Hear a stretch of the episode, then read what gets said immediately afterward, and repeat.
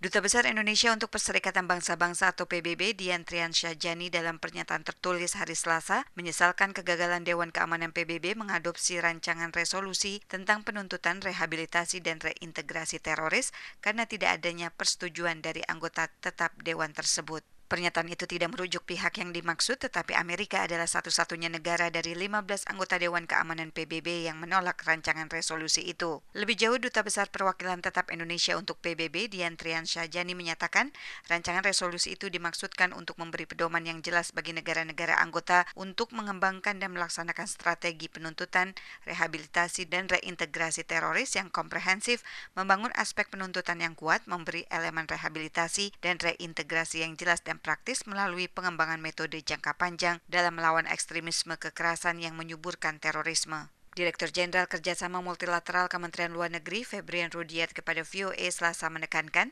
rancangan resolusi gagasan Indonesia itu sejatinya sangat penting bagi banyak negara dalam menangani terorisme.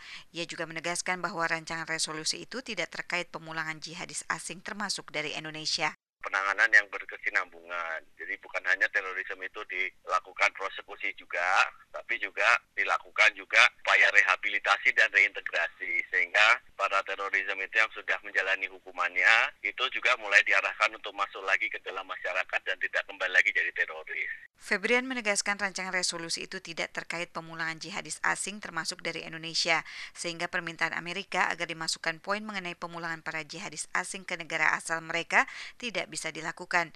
Ditambahkannya rancangan resolusi tersebut hanya membahas tentang penanganan terorisme di dalam negeri. Pengamat terorisme dari Universitas Indonesia Ridwan Habib menilai Amerika memveto rancangan resolusi usulan Indonesia itu karena menginginkan agar semua negara memulangkan jihadis-jihadis mereka yang masih berada di Irak dan Suriah.